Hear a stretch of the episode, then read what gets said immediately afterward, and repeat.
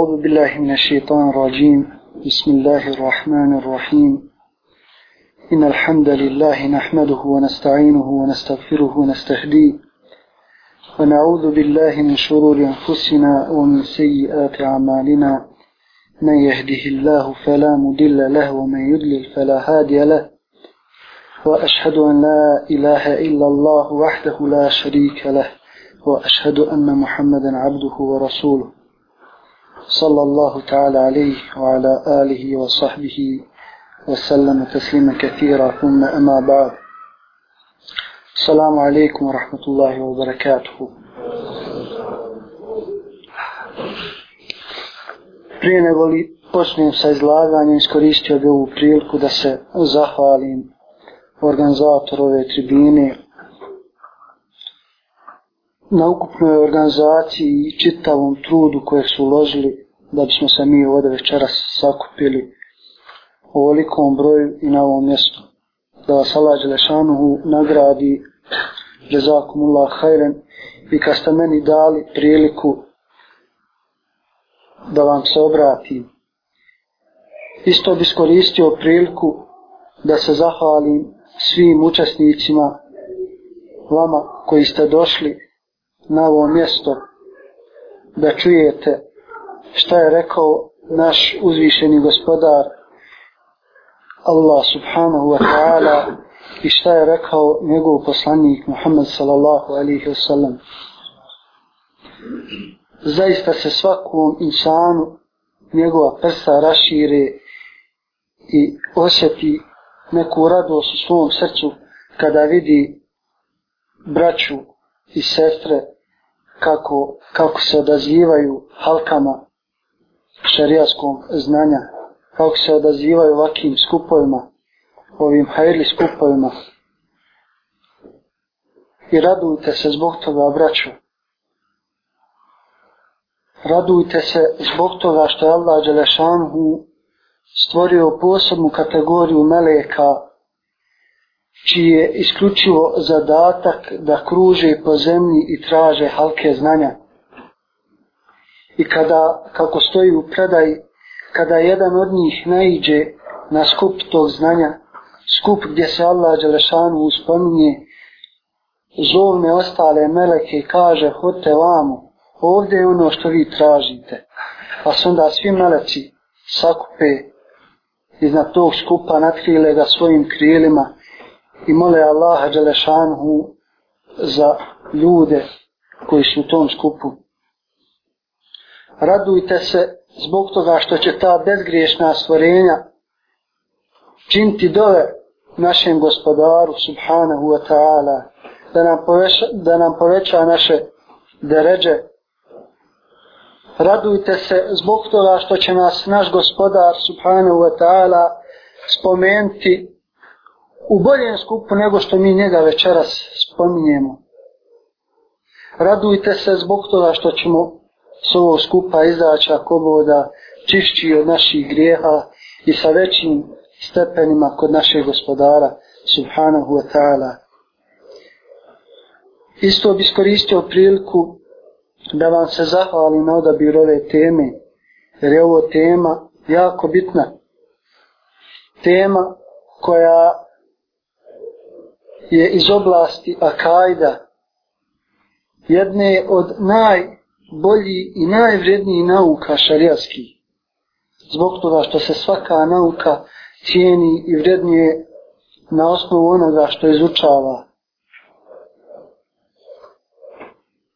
Akajd izučava ljudska ubjeđenja, a iman je nešto najvrednije u sklopu tog akajda.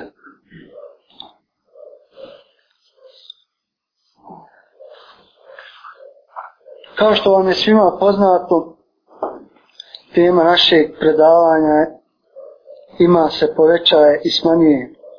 I obzirom da, da se svi propisi i stavovi o nečemu donose nakon što insan razumije šta je to o čemu se priča prije nego li se upustimo u, u ovu našu temu najavljenu neophodno je da, da definišemo, da dadnemo definiciju šta je to iman, koji su njegovi temelji, pa tek onda da pričamo da li se iman povećaje i smanjuje.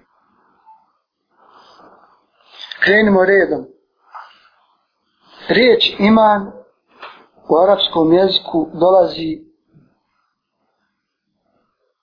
sa tri značenja.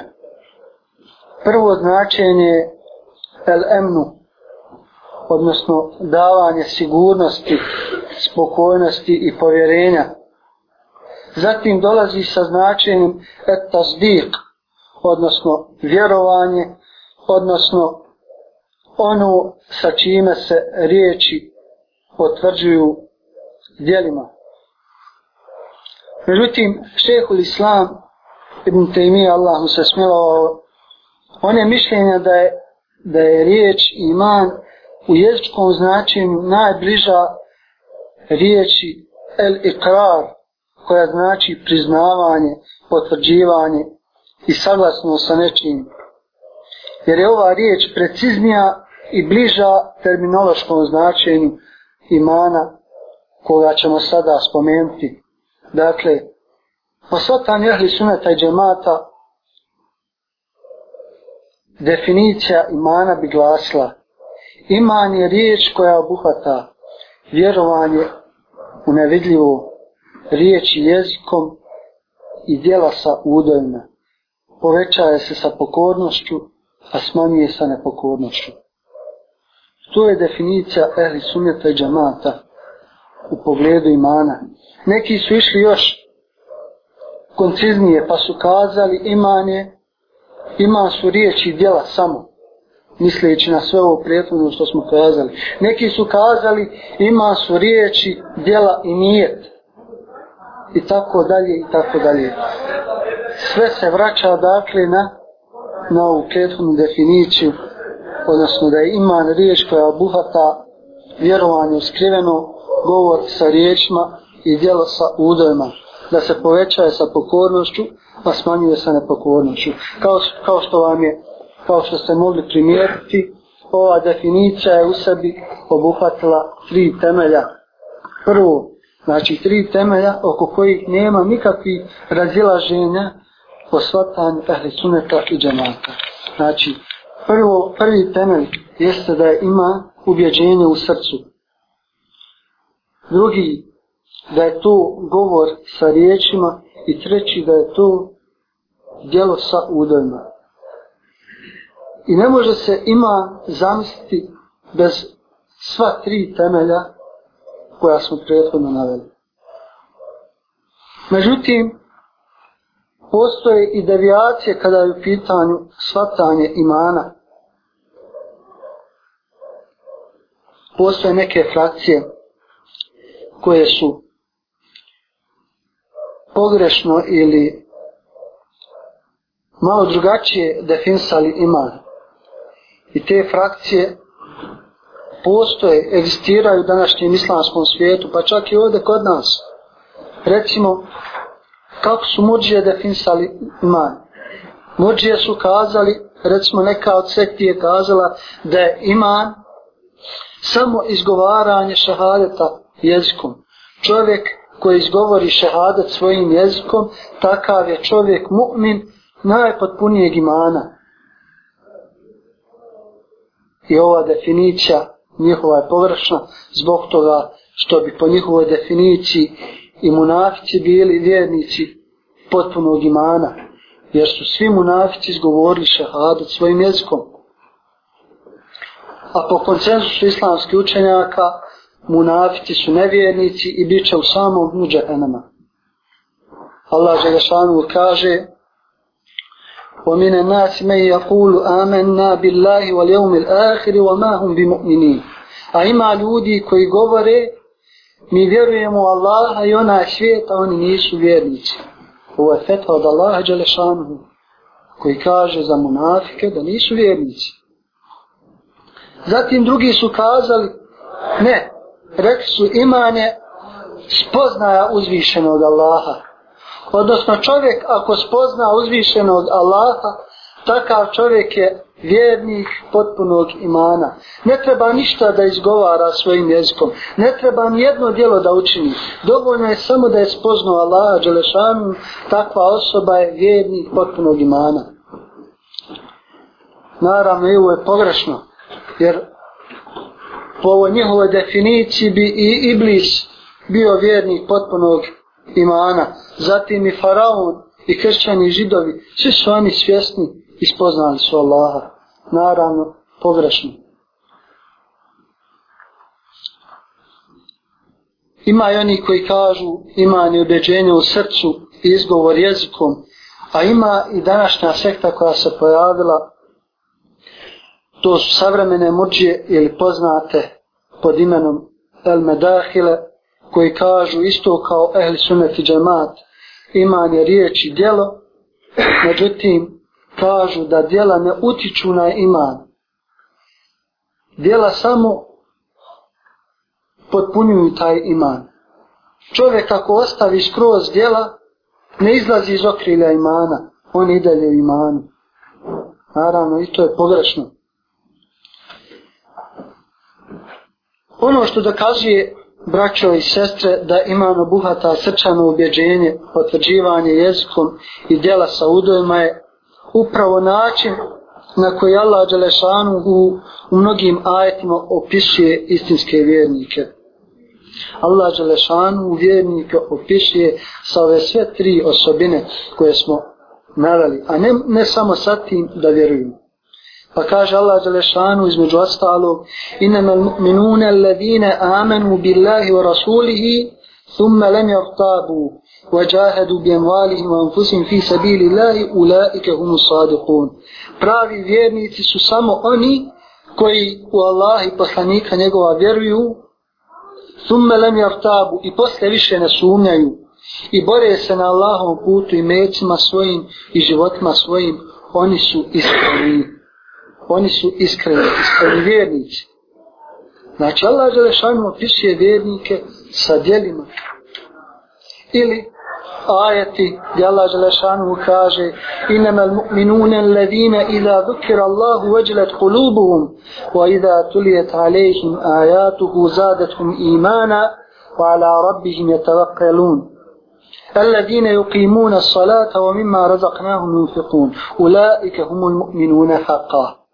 Kaže na početku u prevodu značenja Innamal mu'minuna alladine iza dhukira Allah. Pravi vjernici su samo oni, znači došlo je izuzimanje. Vjernici su samo oni koji kad se Allah dželešanu spomene Šta znači kad Allah dželešanu se spomene? To znači izgovore riječima, al tako? Spominjanje Allaha dželešanu. Vođilet kulubuhum njihova srca se strahom ispuni. Šta to predstavlja? Koji je to temelj? Znači, ubjeđenje u srcu njihova srca se strahom ispuni.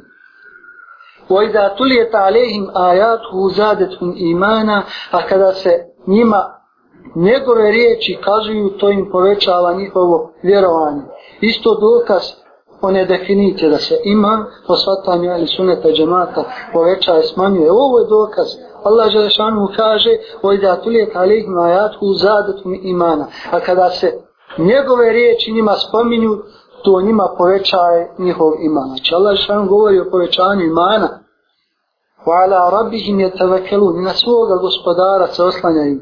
Šta je oslonac na Allaha Želešanu? Je to djelo udojima? Je to izgovor jezikom? Nije. To je ubjeđenje u srcu. Alladine yuqimuna salata wa mimma razaqnahum yunfiqun. Oni, dalje Allah Žešanu nabraja, oni koji molitvu namaz obavljaju i koji od onoga što smo i mi dali udjeljuju. Ulaike humul mu'minune haqqa. Kaže Allah Đelšanu dalje, samo su to pravi, znači istinski vjernici. Znači, vidjeli smo kako Allah Žešanu opisuje vjernike. I ovo, ovaj ajet je dokaz, jedan od velikih dokaza svatanja ehli suneta i džemata kada je pitanju definicija imana po svatanju, znači ehli suneta i džemata. Dalje imamo isto dokaze u sunetu Allahu poslanika sallallahu alaihi wasallam da su djela neodvojiva od imana. Recimo Allahu poslanik sallallahu alaihi wasallam je rekao u svima vama dobro poznatom hadisu iman se sastoji od 70 i nekoliko ogranaka. Kaže poslanik najbolji su riječi la ilaha illallah. Znači govori se o riječima. Šehaditi nešto najbolje Riječ, izgovor jezikom. Kaže, a najslabije je uklanjanje prepreke sa puta. Šta je to? Kako se uklanja prepreke sa puta? Sa puta? To je dijelo udova. Je tako? A kaže poslanik sa sam dalje u hadisu, nastavku hadisa, kaže, a i stid je dio ili ogranak imana. Stid, koje je to djelo? Djelo srca. Znači, hadis koji eksplicite potvrđuje definiciju imana po svatanju ehli suneta i džemata. I tako dalje, i tako dalje, da ne nabrajam dokaze da se uključimo u ovu našu temu koju smo ovaj, najavili. Dakle, po svatam jahli suneta i džemata ima, ima svoje temelje da je to ubjeđenje u srcu, izgovor jezikom i djelo sa udovima. I još su rekli u nastavku definicije povećaje se sa pokornošću, dakle imam, a smanjuje sa nepokornošću. I mnogobrojni su dokazi iz Kur'ana i Sunneta i iz govora naših imama koji kazuju na to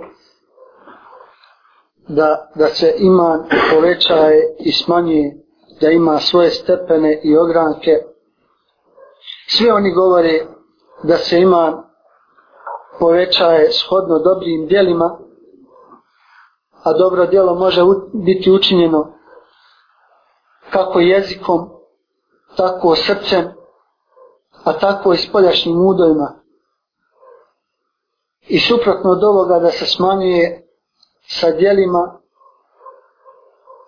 nepokornosti Allahu Đelešanu koji isto tako mogu da se učine jezikom kao što je laž lažno svjedočenje i tako dalje i tako dalje zatim mogu da se učinu, učine u srcu da čovjek se oslanja na nekog drugog da da je ubijeđen u nekoga drugog, da nekog drugog više voli mimo Allaha i tako dalje i tako dalje.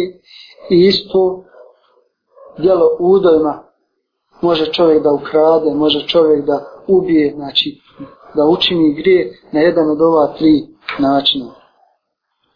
I obzirom da se iman povećaje i smanjuje, tako isto se i vjernici razlikuju u pogledu svoga imana naravno shodno njihovom znanju i dijelima. I zbog toga imamo vjerniko, vjernike koji su potpunog imana imamo koji su manjeg imana.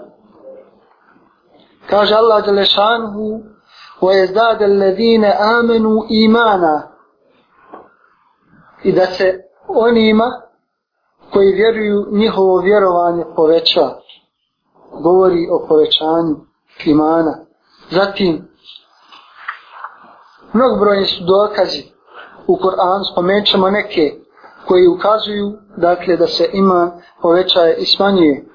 Kaže Allah Žešanu وَإِذَا مَا أُنزِلَتْ سُورَةٌ فَمِنْهُ مَنْ يَقُولُ أَيُّكُمْ زَادَتْهُ هَذِهِ إِيمَانًا A kada bude objavljena neka sura, ima ljudi koji govore kome je od vas ova sura povećala njegovo vjerovanje. فأما الذين آمنوا فزادتهم إيمانا وهم يستبشرون A što se tiče oni koji vjeruju, njima je ova sura njihovo vjerovanje povećala. Zatim imamo mnogobrojne hadise gdje poslanik sa seleme govori o povećanju imana i o njegovom smanjenju. Recimo, između ostalih je ovaj hadis što smo da malo prije naveli gdje je poslanik sa selem kazao da se ima sastoji od 70 nekoliko ogranaka, pa je spomenuo da je najpotpuniji, najbolji. Kada kažemo da je nešto najbolje, to znači nešto, neki najveći stepen. Automatski ima nešto što je najbolje i što je najlošije, odnosno manje vrijedno. Poslanik sa selem je rekao najbolje je šehadet, najslabije uklanjanje prepreke sa puta i stide dio imana. Rekao je vjernici sa najpotpunijim imanom su oni čiji je ahlak najljepši. Hadis se zabilježio Ebu Davud u poglavlju dokaz da se iman povećaje i smanjuje. Dakle, Ebu Davud je isto imao objeđenje ahli suneta i džemata da se iman povećaje i smanjuje. Rekao je poslanik sallallahu alihi wasallam kod vas vidi loše djelo neka ga ukloni svojom rukom pa ako ne mogne neka to učini svojim jezikom, ako ne mogne neka to učini srcem, a to je najslabiji vid imana. Opet i ovom hadisu se govori o stepenovanju imana, da ima nešto što je najbolje i najjače, ima nešto što je slabije, ima nešto što je još slabije. Dakle, navedeni ajeti hadisi nedvosmisleno ukazuju na činjenicu da se ima povećaje i smanjuje. I logično je mi smo svjedoci da ima među nama oni ljudi koji su više privrženi Allahovim imperativima, a ima oni koji su manji i ne mogu oni biti isti, istog stepena i na istoj deređi kod Allaha Đelešanu. Postoji razlika kod njih u njihovom stepenu imana, što je stav ehli sunata i džemata. Pored ovih dokaza imamo dokaze isto u govoru učenja tehli suneta i džemata da se ima poveća i smanjuje. Recimo, vladar pravovjerni Omer ibn Khattab radijallahu anhu je imao običaj da kaže svojim prijateljima hajdemo da povećamo naš iman. Ili Imam Šafija koji je umro 204. godine po Hiži, Allah mu se smilovao je rekao, imam su riječi i djela povećaje se i smanjuje. Povećaje se sa pokornošću, a smanjuje se nepokornošću. I zatim je proučio riječi uzvišeno u koje smo citirali. O izdada ladine amenu imana. I da se onima koji vjeruju vjerovanju povećava. ili imam Ahmed ibn Hanbel koji je umro isto 241. godine po Hidži, Allah mu se smilo je rekao, složilo se 90 ljudi koji su bili tabiini i imami muslimana, te imami naši ispravni prethodnika, zatim i učenjaka fiha iz raznih pokrajina, da je sunet na kojem je preselio Allahov poslanik sallallahu alejhi ve sellem pa on počeo nabrajati ovaj sunet Allahov poslanika i između ostalog kazao da su iman riječi i djela da se povećaje sa pokornošću, a smanje sa nepokornošću. Koji su braćo i sestre razlazi povećanja i smanjenja imana kod osobe? Uzvišen Allah je učinio da iman ima svoje izvore koji će ga nahraniti i povećati. Pa ako Allahu rob bude dosljedan tim izvorima i ako se bude napajao iz tih izvora, naravno da će njegov iman postati bolji i veći i čvršći. I ako čovjek bude udaljeniji od tih izvora, zaočekivate da će njegov iman stagnirati i da će toniti dok ne dođe do neki kritičnih granica o kojima ćemo ako ovo da u nastavku predavanja nešto kazati više. Među najveće faktore koje utiču na povećanje imana je svakako sticanje šerijatskog znanja, talebul ilm, šerijatska naobrazba. Naravno, na, temelj, na temeljima Kur'ana i Suneta, te postupanje po onome što ovo znanje nalaže. Zatim spoznaja Allahovih lijepih imena i njegovih osobina. Čovjek što je više svjesnio Allahu Đelešanu, što više razmišlja o njegovim imenima, značenjima tih imena, što više razmišlja o njegovim osobinama i njegove veličini, naravno da će postati više ubježeni u Allahu Đelešanu, da će ga više voliti i da će se njegov iman više povećati. Zatim, učenje plementu Kur'ana. Ali ne svakako učenje. Učenje da čovjek uči i stranice, mašala, uči po džuz svakodnevno, ali ništa ne razumije. Treba da se uči Kur'an sa razumijevanjem, da se vraćamo na tefsir značenja kur'anskih ajeta, da vidimo koje su povodi objave određenih ajeta, što imamo danas priliku da pročitamo u prevedenim dijelima. Takvo učenje i takvo razumijevanje plemenitog Kur'ana utiče da se čovjekov iman poveća. Zatim, razmišljanje o životopisu Allahu poslanika Muhameda sallallahu alaihi wa sallam, ispoznavanje njegovih vrlina, morala, osobina i odlika koje su ga krasle u njegovom životu. Jer čovjek što više proučava sunet Allahovog poslanika sallallahu alaihi ve sallam, više će ga voliti. A čovjek slijedi onoga koga voli. Mi vidimo danas kako ljudi koji su malo udaljeni od Allahove vjere uzimaju sebi za idole određene glumce, određene sportiste, pjevače i nastoje u svom životu da ih što više oponašaju. Onaj sportista ima malo dužu kosu i ova se trudi da ima malo dužu kosu. Ovaj sportista ima određeni imidž kada je u pitanju odjevanje i ovaj nastoji da se odjeva isto ko on. Kod vjernika je drugačije. Vjernik ima Allahu poslanika u koga se ogleda i koga nastoji da imitira u svom životu. I naravno čovjek ako bude oponašao Allahu poslanika sallallahu alaihi wa sallam više će se umiliti svome gospodaru, više će činiti dobrih dijela, a dobra dijela utiču na povećanje čovjekovog imana. Zatim, braćo, jedan od faktora koji utiče na povećanje čovjekovog imana je razmišljanje o blagodatima Islama i njegovim koristima koje je donio ljudskom rodu. Jer je Islam sav sazdan na koristima. Čovjek ako pogleda islamsku akidu, vidjet će da je to akida koja je najbolja od svih religija i svih vjera koje postoje. Ako pogleda u propise Islama, u ibadete, u međuljudske odnose, u nasljedno pravo i tako dalje, vidit će da su to propisi koji su najpravedniji i najviše donose harmoniju ljudskom rodu. Ako pogleda u ahlak, u moral, vidjet će da je to najizvišeniji moral i tako dalje i tako dalje. Onaj koji o ovim blagodatima bude istinski i iskreno razmišljao,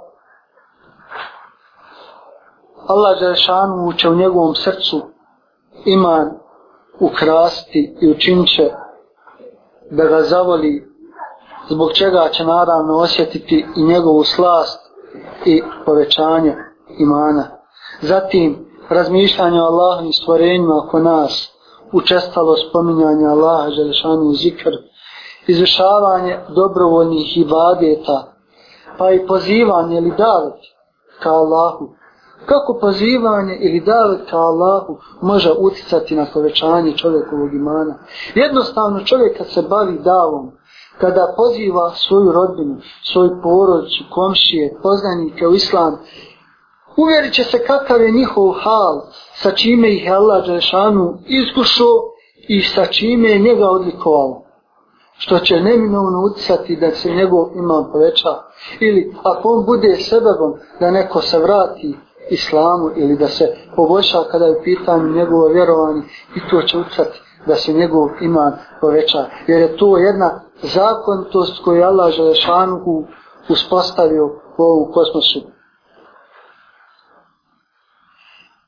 Šta utiče na smanjenje imana? Ako smo kazali da je šerijatska naobrazba jedan od najvećih faktora koji utiče na povećanje imana, možemo slobodno da kažemo bez ikakvog ustručavanja da je neznanje o Allahovoj vjeri i o Allahu jedan od najvećih faktora smanjenja čovjekovog imana. Allah Đelešanu mu kaže innema jahša Allah min ibadihi ulema Allaha se od njegovih robova boje oni koji su učeni, oni kojima je dato znanje. I čovjek što je više znanio o Allahu Đelešanu i što je više svjesni Allaha Đelešanu, više će ga se bojati. A čovjek koji ne zna Allahu, koji nije svjestan Allahove veličine i onoga što Allah Želešanu traži od njega, naravno, svašta je očekivati od tog čovjeka, a prije svega da njegov iman neće biti stabilan i da je blizu granice sa kufrom. Zatim nemarnost, odsutnost i zaborav,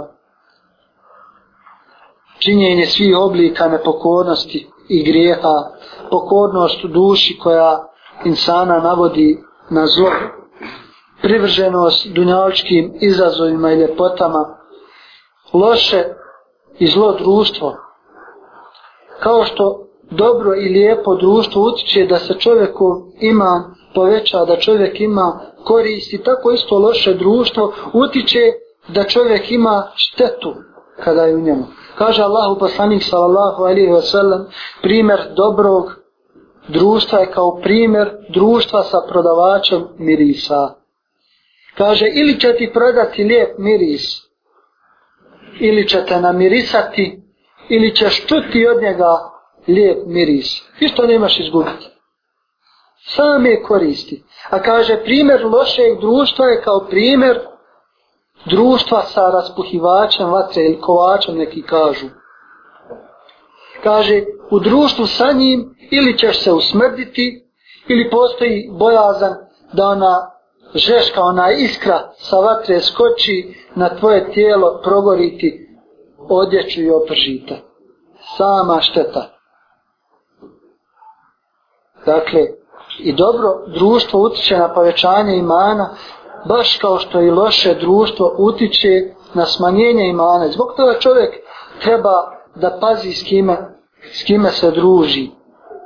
Treba da nastoji da se druži sa onima koji su bolji od njega, ne bili od njih imao koristi. Ehli sunet i džemat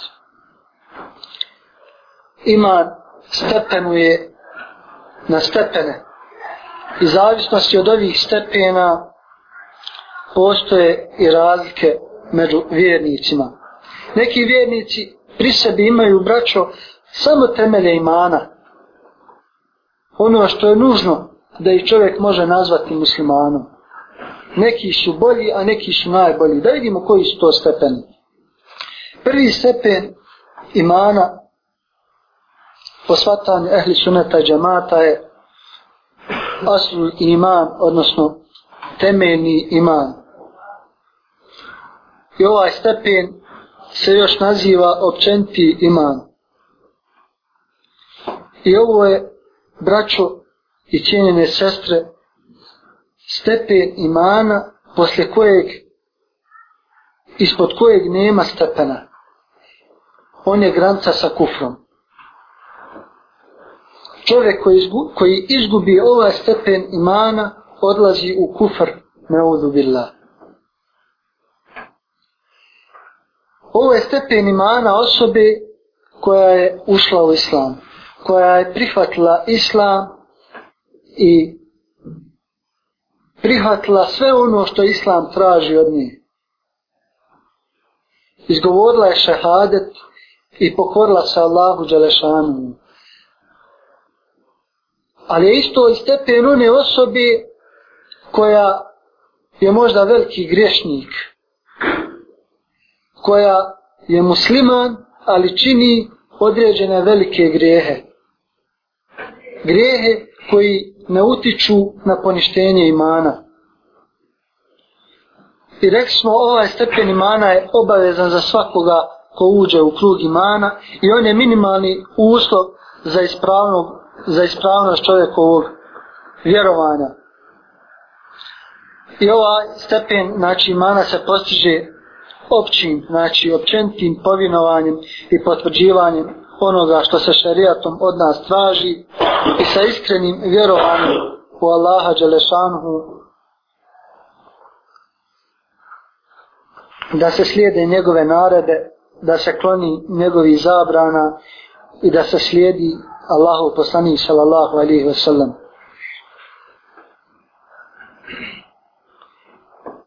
I ako vjernik koji ima ovaj temeljni iman okonča, znači ako bude radio ponome što postajanje ovakvog imana od njega zahtjeva i ako na njemu okonča svoj dunjalički život, ako oboda njegovo konačno boravište će biti džennet, međutim, Allahu je pravo da osobu koja je imala ovaj stepen imana, ali je pored njega imala određene velike grijehe, kazni u džahenamu onoliko koliko Allah Želešanu htjedne ili da je oprosti ovakoj osobi. Znači, pripadnik ovog stepena se općento svrstava u pripadnike Islama, pa makar njegov iman i ne dostigao stepen potpunog ili suštine imana, bez obzira što je osoba koja ima ovaj temeljni iman možda veliki griješnik, za nju, za ovakvu osobu ne kažemo kafire, ne kažemo Allahu neprijatelji, nego kažemo ova osoba je vjernik, veliki griješnik, vjernik, fasik i tako dalje i tako dalje. Drugi stepen imana po shvatanju ahli suneta džemata je obavezni iman. Imanul vađib. On se još naziva i detaljni iman, odnosno el imanul mutassal, ili suštinski iman, haqiqatul iman. I ovaj stepen je drugi stepen nakon nakon temeljnog imana. Ovo je stepen osobe koja je prihvatila sve Allahove vađbe, izvršava sve Allahove vađbe, a kloni se svi Allahovi harama. Možda je možda nije dosljedna u mustahabima, u sunetima i tako dalje, ali ima osnove, ima vađbe, ono što je Allah Žešanu naredio i kloni se onoga što je zabranio. Zatim, znači pripadnik ovog stepena se po svatanju ehli suneta džemata obećava dženet bez prethodnog kažnjavanja u džahenemu. I osim toga što će ovakav vjernik biti spašen do ulaska u vatru, pripadnik ovog stepena se ubraja među vjernike dobročinitelje. I treći stepen imana, poštovana braćo i sestre, je najveći stepen imana koji se naziva poželjni iman ili pohvalni iman ili el imanul mustahab i ovo je stepen osobe vjernika koji osim što izvršava vađbe i kloni se harama izvršava mustahab sve što je mustahab što je pohvalno ovom vjerom da se čini i kloni se svega što je pokuđeno u ovoj vjeri da se čini. Znači, trudi se u svom životu da bude dosljedna svakom principu, svemu onome što se u islamu navodi.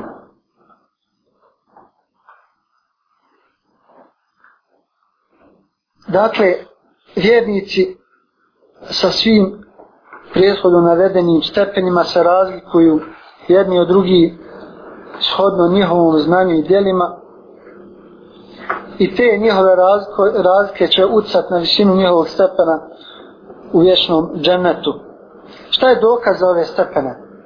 Dokaz su riječi Allaha Đelešanuhu gdje on u suri Fatir kaže Thumme euratna kitaba alladine stafejna min ibadina Zatim smo učinili da knjigu poslije naslijede oni naši robovi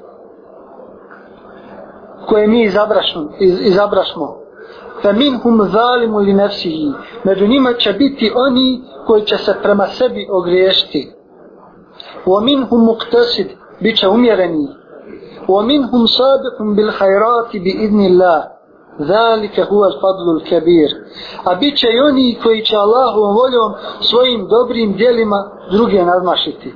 U ovom ajetu se spominju tri kategorije vjernika iz umeta poslanika sallallahu alaihi wasallam. Prva kategorija su oni koji se sami pogriješili prema sebi. Znači vjernici koji nisu imali djela koja poništavaju njihov iman. Ali imali su neke velike grijehe koji ih naravno nisu izvodili iz imana. Zbog toga smo ih nazivali na dunjalku vjernik, fasik, vjernik, veliki griješnik. Taka osoba je sama prema sebi ogriješila. Znači iznevjerla je u pogledu činjenja nekih vađiba i činila je određene zabrane u dunjačkom životu što je oliče na poslušnosti na pokornosti uzvišenom Allahu.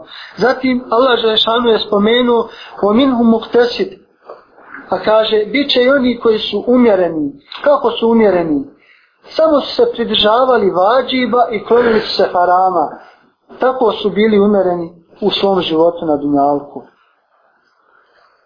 وَمِنْهُمْ سَابِقٌ بِالْحَيْرَاتِ بِإِذْنِ اللَّهِ I bit će oni koji su druge nadmašili u svojim dobrim djelima. Nisu se zadovoljili samo vađibima i klonjenjem od harama, nego su nastojali da pokripe i ono što je mustahab i da se klone onoga što je mekru.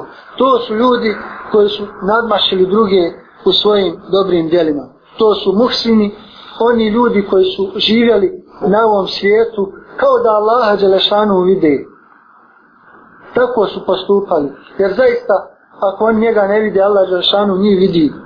I čuveni ashab Abdullah ibn Abbas radijallahu anhuma je rekao Es sabiku bil hajrati će ući u džennet bez polaganja računa.